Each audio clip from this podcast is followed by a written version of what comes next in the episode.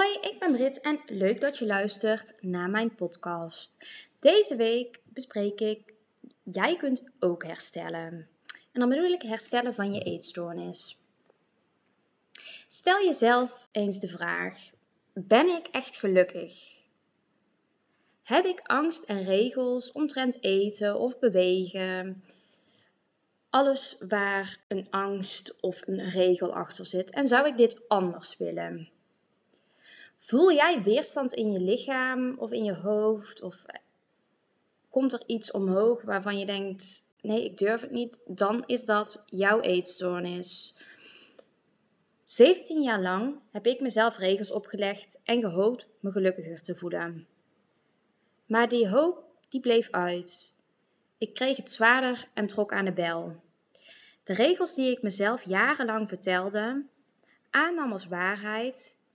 Ik moest letterlijk door mijn grootste angst heen. Ik moest me vol voelen, eten terwijl ik geen honger had, meer koolhydraten eten, niet meer bewegen. Voor mij was het het ergste wat op dat moment kon gebeuren. Het stond voor falen, imperfectie, bewust voelen dat ik niet goed genoeg zou zijn en voelen dat wilde ik niet. En dat vermeed ik dus maar al te graag, door continu bezig te zijn. Maar wat hielp mij dus wel?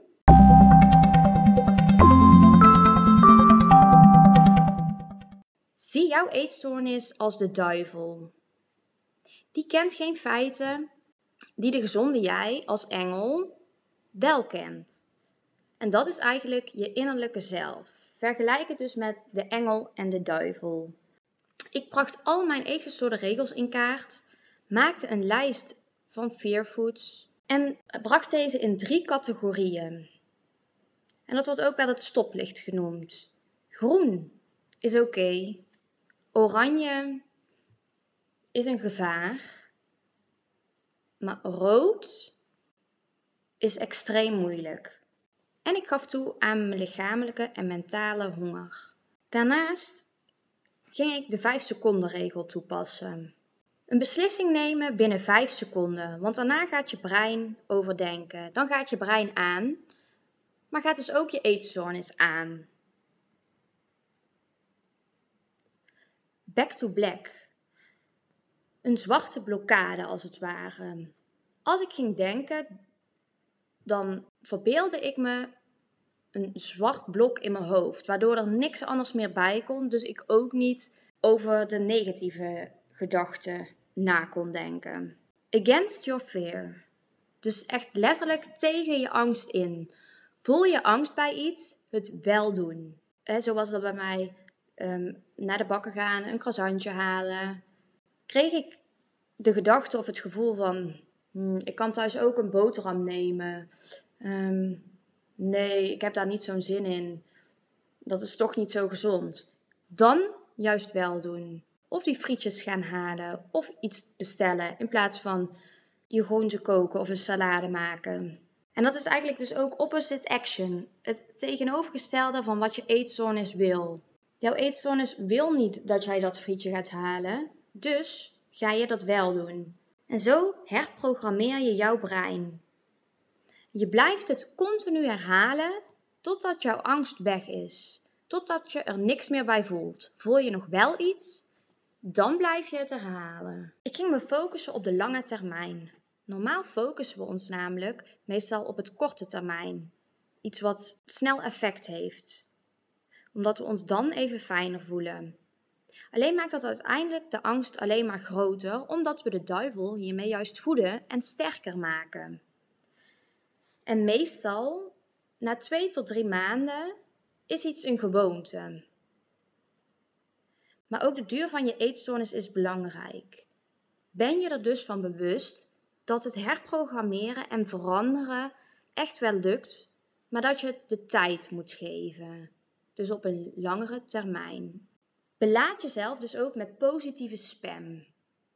Daarmee bedoel ik ook, zijn er accounts of uh, mensen om je heen die jou tegenwerken in jouw proces, ontvolg die dan. Of geef aan dat je even minder contact wil, juist omdat dat belangrijk is voor jouw herstel.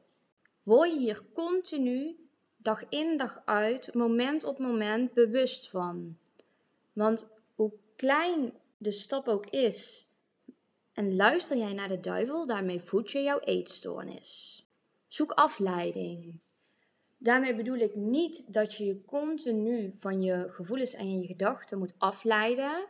Maar heb je even een moeilijk moment, zoek even afleiding.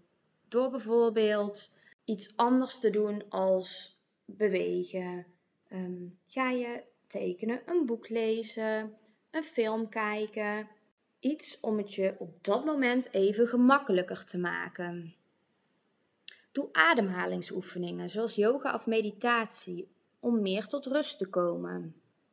Hou een dagboekje bij en dan het liefst een positiviteitsdagboek. Wat mij tot nu toe echt het meest heeft geholpen is het 6 minuten dagboek. Ook het enige dagboek wat ik tot nu toe heb volgehouden en waar ik denk ik nu vier maanden al misschien wel langer mee bezig ben. Praat er met iemand over. Maakt niet uit bij wie jij je comfortabel voelt. Uh, je ouders, je vriend, vriendin, collega, noem het maar op. Voel jij je bij iemand comfortabel dat jij daar je verhaal kwijt kunt en dat diegene jou wilt helpen? Praat.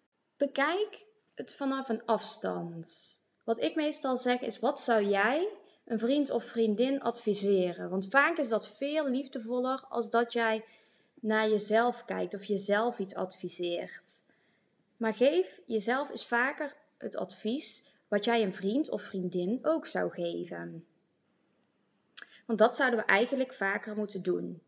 En let daarbij op: jij hebt een gen dat aangewakkerd kan worden tijdens het afvallen of wanneer je ondervoed raakt. Dit betekent dat jij gevoelig bent voor het ontwikkelen van een eetstoornis. Net als iemand gevoelig kan zijn voor het ontwikkelen van een drugsverslaving of een alcoholverslaving. Ga jij naar die innerlijke stem luisteren, dus die duivel, dan wakker je het aan. Bedenk jezelf dus dat jij een verslaafde bent en dat jij geen risico kunt lopen. Blijf dus continu bewust van jouw situatie, hoe jij je op dat moment voelt en waar jij naartoe wil. Wil jij herstellen of wil jij het leven blijven leiden wat je nu leidt? Met alles wat daarbij komt kijken. Voor mij werd dat dus echt na 17 jaar duidelijk dat ik het niet meer zo wilde. Dat ik vrij wilde leven, wilde genieten, maar dat ik daardoor wel mijn regels en controle los moest laten. Maar doordat ik daar meer over ging leren, dat ik een gen heb, dat ik mijn brein kan herprogrammeren, gaf het me wel het inzicht dat het echt kan. En dat wil ik jullie ook laten zien en meegeven. Zolang je er maar genoeg aandacht en energie in steekt en 100% wil herstellen, kan dat. Volg mij ook zeker even op Instagram. Dat is herstelcoach Brits. Daar vind je meer informatie en kun je me zeker ook even een berichtje sturen mocht je meer willen weten of misschien zou ik je zelfs kunnen helpen. Dat doe ik in ieder geval met liefde.